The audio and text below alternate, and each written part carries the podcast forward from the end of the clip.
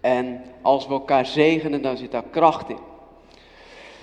En het is mooi om net met elkaar zo te proclameren, God regeert. Wat is nu proclamatie? Ik zei het al een beetje. We spreken eigenlijk in geloof, dus niet in gevoel. We hoeven het niet altijd te voelen, maar in geloof spreken we uit in de geestelijke wereld dat God regeert, dat Hij het in de hand heeft. En dat is ook in het nieuwe jaar zo. En dat nieuwe jaar ligt voor ons. Een donkere tijd ligt achter ons. De tijd van kerst is altijd een tijd van donker, waarin we ook mogen vieren dat er een licht is gekomen.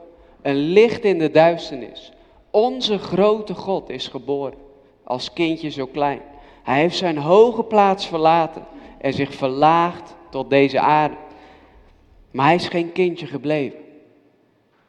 Hij is de koning der koningen geworden. Hij is opgegroeid in geest en waarheid, zegt de Bijbel. En hij regeert. En ik hoop dat je een lekkere tijd van rust, van kerst, van oud en nieuw hebt gehad. Misschien heb je wel vakantie gehad. Wie heeft de vakantie gehad? Een paar mensen. Wie heeft de keihard doorgewerkt? Ja? nou, voor de kinderen en voor de tieners, morgen mogen we weer, mogen we weer naar school. En ik hoop dat jullie lekker een tijd van herstel ook hebben gehad in deze periode met familie en vrienden om ons heen. En dat je weer met frisse moed kan beginnen. En misschien is dit half jaar wel belangrijk voor je dat je een deadline moet halen. Misschien op school dat je een examen moet halen. Dat je allerlei toetsen hebt. Of op je werk dat er dit jaar iets staat te wachten. Dat je zin hebt dat er doorbraken aankomen. Misschien ga je wel een relatie aan dit jaar. Ga je trouwen. Weet ik veel wat er allemaal op de planning staat. Maar je mag weten, hoe het ook zij. Hoe we ook het nieuwe jaar ingaan. Dit jaar mogen wij weer groeien en bloeien in ons geloof. En dat kan soms zo voelen van we moeten weer wat, we moeten weer, we moeten weer dit, we moeten weer dat. Maar weet je wat zo lekker relaxed is bij God? Bij God krijgen we de tijd. Bij God hoeven we niet altijd direct van alles. Hij roept op ons op om te groeien en te bloeien. Maar hij zegt ook, neem de tijd. Neem de tijd die jij persoonlijk nodig hebt. En dat betekent niet dat je zoals Leen het gisteren zo mooi zei in de nieuwsbrief, stil in een hoekje moet gaan zitten. Sorry voor de livestream, ik zit nu op een stoel.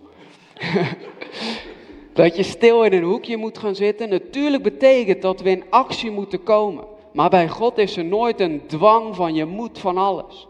Maar het is een liefdevolle poes in de rug. Ken je dat? Zo'n liefdevol duwtje.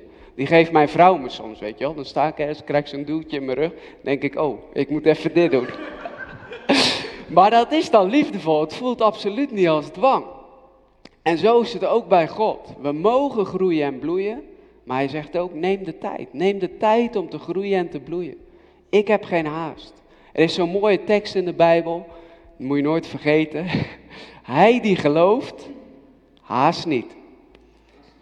Ja, dus we mogen onze tijd nemen om te groeien en te bloeien. Maar tegelijkertijd roept God ons ook op, net als in vandaag die tekst van de dag. Laten we op elkaar letten en elkaar aansporen. En dat is echt mijn wens voor de gemeente voor het jaar. Let op elkaar en spoor elkaar aan. En wat er ook in vers 25 staat, blijf niet weg uit de samenkomst. En sommigen maken daar een gewoonte van, maar dat is niet goed. Betekent dat dat wij op elkaar moeten gaan oordelen en gaan letten? Nee, absoluut niet. Betekent wel dat je voor jezelf met God dit uit moet zoeken van hé, hey, hoe sta ik hierin? Hoe kan ik mijn verantwoordelijkheid nemen voor de gemeente? Hoe kan ik een taak nemen? En weet je, als je aan de zijlijn blijft staan, dan is het altijd makkelijk toekijken en makkelijk roepen van dit zou anders moeten, dit zou anders moeten, zus en zo. Maar word deel van het geheel. Stap van de zijlijn naar het middenveld, naar waar de aftrap wordt genomen in voetbaltermen. Blijf niet op de bank zitten, maar kom uit die bank en neem de tijd om te groeien en te bloeien. Hoe het bij jou past. Maar ik roep je wel op. Doe mee. Wees actief. En ik wil deze morgen wat teksten met jullie delen. En een van de teksten aan het begin van het nieuwe jaar vind ik altijd zo mooi, is Psalm 1. Psalm 1, soms denk ik wel eens, ik geloof gewoon dat God die als eerste in de psalm heeft gezet, omdat het zo'n mooie tekst is om mee te beginnen. Het gaat over groeien, bloeien als een boom. Nou, nu moet ik natuurlijk oppassen, want volgens mij zit hier een uh, hovenier in de zaal, een bomenbedrijf. Dus als ik iets fout zeg, corrigeer mij even, ja? als ik iets zeg wat niet klopt over bomen, dan hoor ik het graag. Maar, oh, beuk. Maar het gaat over een boom die in groei en bloei staat. En laten we met elkaar Psalm 1 eens lezen. In Psalm 1 staat het volgende. Welzalig de man die niet wandelt in de raad van de goddelozen. Die niet staat op de weg van de zondaars. Die niet zit op de zetel van de spotters. Maar die zijn vreugde vindt in de wet van de Heer. En zijn wet dag en nacht overdenkt. Want hij zal zijn als een boom, geplant aan waterbeken, die zijn vrucht geeft op zijn tijd, waarvan het blad niet afvalt. Alles wat hij doet, of zij, zal goed gelukken. Maar zo zijn de goddelozen niet. Die zijn juist als het kaf dat de wind wegblaast. Daarom blijven de goddelozen niet staan in het gericht en de zondaars niet in de gemeenschap van de rechtvaardigen. Want de Heere kent de weg van de rechtvaardigen, maar de weg van de goddelozen zal vergaan. Een tekst die spreekt over dat je gelukkig bent, welzalig gelukkig bent als je wandelt in de raad die God je geeft en niet staat op de weg van de zondaars. Nou, die raad wil zeggen dat je niet wandelt in de weg van het kwaad, niet de principes, dezelfde manieren volgt van de wereld. En net hebben we het een beetje over politiek. En ik ga er geen politiek praatje van maken, want politieke achtergrond maakt voor God helemaal niks uit. Maar toch even kort. Die principes en adviezen van mensen volgen die de wereld ook volgt. Tegenwoordig heb je zoveel mensen die zonder God leven. Maar toch zijn het hartstikke lieve mensen. En die willen voor God niks geloven, die willen niks van hem aannemen, maar ze willen wel deugen in deze wereld. En ik noem het even oneerbiedig van die deugmensen. Ze doen van alles, ze rennen voor het klimaat, ze gaan een snelweg blokkeren, weet ik veel wat ze allemaal doen. En dat is super lief bedoeld. Die mensen doen dat oprecht vanuit een overtuiging waarin ze geloven van hé, hey, wat ik doe is goed. Maar waarom doen ze dat? Ze doen dat niet vanuit het principe dat ze God willen volgen. Ze doen dat goed bedoeld, ze doen dat liefdevol voor de wereld, maar ze missen de connectie met God. En als wij goede dingen gaan doen in ons leven, dan is dat zo belangrijk dat we dat niet op eigen kracht doen. Want als we op eigen kracht allerlei zaken gaan ondernemen, dan worden we op een gegeven moment teleurgesteld. Dan lopen we tegen blokkades aan. En God roept ons op om met Hem geconnect te zijn. Om niet dezelfde principes van de wereld te volgen, maar het allereerst van Hem te verwachten en dan in actie te komen. Johannes 1 die zegt het zo mooi. In het begin was het woord en het woord was God. Het woord is vlees geworden en heeft onder ons gewoond. En ik wil een stukje uit Johannes 1 lezen. En in Johannes 1 staat, vers 1, in het begin was het woord en het woord was bij God en het woord was God. Maar wist je dat je voor dit woordje woord, ja nu wordt het ingewikkeld, kun je ook lezen Jezus, want Jezus was het woord. En dat is geen inlegkunde, maar dit woord verwijst echt naar de Heer Jezus. Dus ik wil je dit stuk voorlezen en dan gaat het dus over de Heer Jezus. En ik wil je vragen, luister er goed naar en ontvang het in je hart. En ga vanuit daar op weg de wereld in. Niet op eigen kracht, niet om te deugen, niet om het maar goed te doen, maar juist je eigen kracht afleggen. Je laten vullen door Zijn liefde, door Zijn geest. En dan de wereld lief te gaan hebben. Want hoe kun je de wereld lief hebben als je zelf weet dat je geliefd bent? Als je hart overstroomt van de liefde van God, dan pas kun je liefde uitdelen. Het grote gebod. Heb je naaste lief als jezelf. Nou, hoe kun je je naaste nou lief hebben als je geen eens van jezelf houdt? Dat kan helemaal niet. Dus je moet weten hoe verschrikkelijk geliefd je bent in God. En daar spreekt Johannes hier ook over. Hoe Jezus in de wereld kwam. Je mag meelezen Johannes 1 vanaf vers 1. Je mag ook lekker luisteren. En voor het woordje woord lees ik dus Jezus. In het begin was Jezus. En Jezus was bij God. En Jezus was God. Jezus was bij God in het begin. Door Jezus is alles ontstaan. En zonder Jezus is niets ontstaan van alles wat bestaat. In Jezus was leven.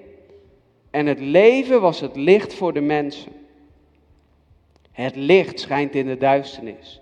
En de duisternis heeft het niet in zijn macht kunnen krijgen.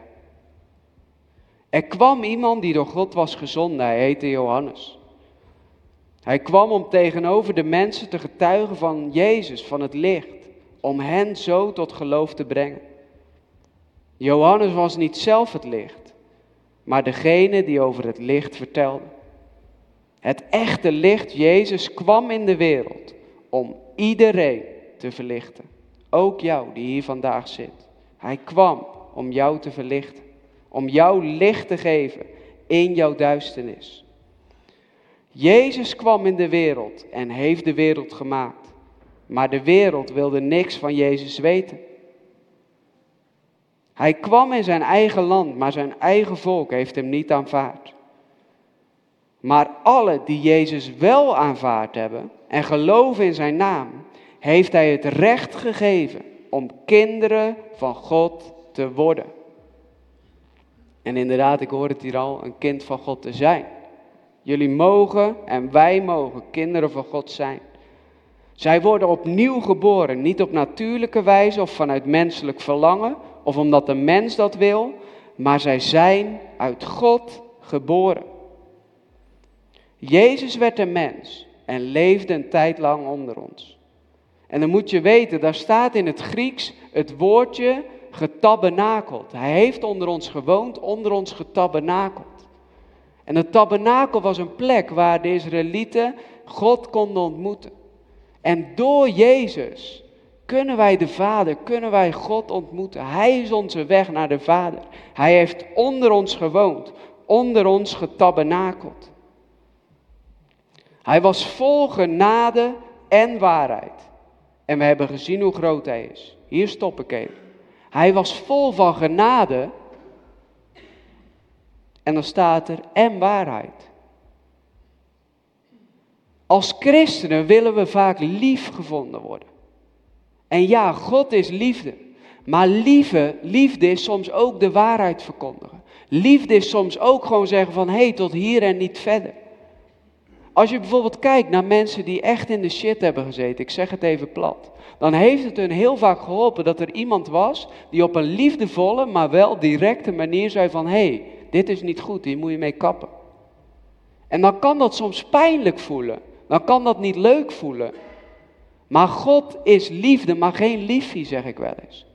Soms hebben wij confrontatie nodig. En hier staat het, Jezus was genade, vol genade en waarheid. 100% genade en 100% waarheid.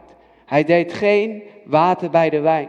Jezus was duidelijk en die duidelijkheid leidt er juist toe dat wij beseffen dat we ons leven moeten veranderen. Dat we soms zaken, zonden moeten opruimen in ons leven. Zodat we weer gevuld kunnen worden met die liefde van God. Hij zal ons nooit verlaten en nooit loslaten. Maar hij vraagt soms wel aan ons om iets los te laten. Hij laat ons niet los. Maar wij moeten dingen die ons vasthouden loslaten en het aan hem geven. Ik lees nog even verder. Hij was vol genade en waarheid en we hebben gezien hoe groot hij is, de enige zoon van de hemelse Vader. Johannes was zijn getuige en zei over hem, dit is degene van wie ik zei dat er na mij iemand zou komen die belangrijker is dan ik, omdat hij eerder was dan ik. Uit de overvloed die Jezus heeft, hebben wij alle genade op genade ontvangen. Want Mozes heeft ons ooit de wet gegeven, maar Jezus Christus bracht ons, is die weer, genade en waarheid. Niemand heeft ooit God gezien, maar Jezus, zijn enige zoon, die één met hem is, heeft ons laten zien wie God is. Hoe leren wij God kennen? Door de liefde van de Heer Jezus heen. Als wij kijken naar Jezus, als wij kijken naar het Woord, dan leren wij God kennen. En daarom roep ik je op, ook in 2024, lees het Woord van God. Laat het woord van God tot je spreken, want als wij het woord van God lezen, dan leren wij Jezus kennen. Johannes zegt het hier, het woord was God. Het woord is Jezus. En dan kom ik weer terug bij Psalm 1. Want daar staat dat je vreugde moet vinden in het woord van God. Dat je moet verdiepen in het woord van God.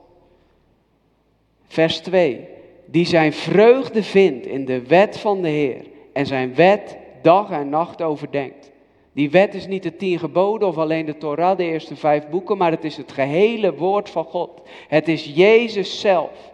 En wij moeten dat dag en nacht overdenken. Wij moeten over zijn liefde nadenken. En in het Hebreeuws staat daar het woordje haga. En dat woordje haga, dat betekent letterlijk overpijnzen op een constante basis. Het woord van God overpijnzen, overdenken. Je kan het vertalen in het Engels, in sommige vertalingen wordt het vertaald met meditate. Dat betekent letterlijk mediteren. En nu hebben we het hier wel eens eerder over gehad. Dat betekent niet dat je net als de wereld doet, maar bij een of ander Boeddha-beeld moet gaan zitten en moet gaan mediteren.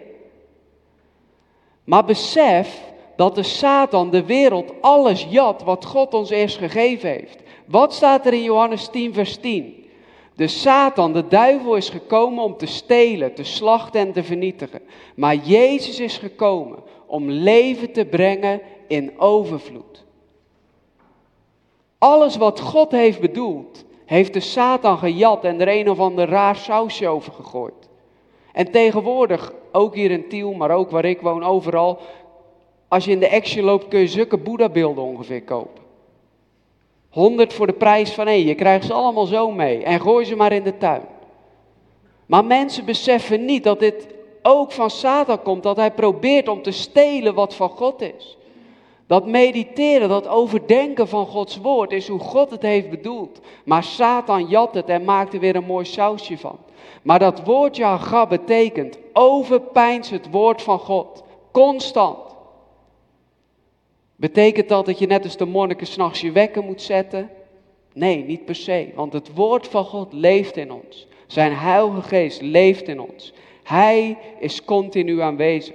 En zijn woord is scherp, als een tweesnijdend scherp zwaard. En het dringt door tot onze ziel. Maar ik roep u, ik roep jou op voor 2024. Neem de tijd om te groeien en te bloeien. En hoe neem je die tijd? Door elkaar te ontmoeten. Door naar elkaar om te zien. Maar ook door het woord van God te lezen. Maak het je prioriteit dit jaar.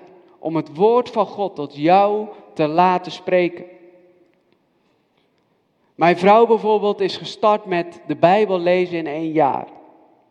Nou, dat is best wel, kost best veel tijd. Maar dan kun je denken, het kost me veel tijd. Maar je leert er zo verschrikkelijk veel van. Je leest de Bijbel in context en je leest stukken die misschien voor jouw hersenen heel saai zijn, maar ze gaan leven in je hart. Ze gaan spreken tot je ziel. Lees het woord van God. Ik zeg niet dat je het per se in één jaar moet doen, al doe je er tien jaar over. Op je eigen tempo. Neem de tijd om het woord van God te lezen. Weet dat er hoop is voor dit nieuwe jaar. Jezus Christus, Hij is het woord en Hij is onze boom zoals Psalm 1 zegt. En vanuit Hem mogen wij dit jaar groeien en bloeien. Kies ervoor om dit jaar niet als iemand aan de zijlijn te staan, langs die beek te zitten. Maar kies ervoor om in de rivier, in de beek te springen. In de stroom te springen en laat je meeslepen. Door het woord van God, door zijn geest en door de lieve gemeente om je heen. Lieve mensen, we hebben elkaar nodig. Zoek God. Wees verbonden met Hem. Laat 2024 een jaar zijn van groei en bloei. Ondanks de omstandigheden, de stormen, de positieve dingen die je staan te wachten. Weet dat Hij met je meegaat. Als jij met Hem verbonden bent, aan de boom van het leven verbonden bent, dan kan niks je stoppen, kan niks je tegenhouden. Want Zijn geest gaat met je mee. Weet je, de liefde van God is een totaal andere categorie dan de liefde van mensen.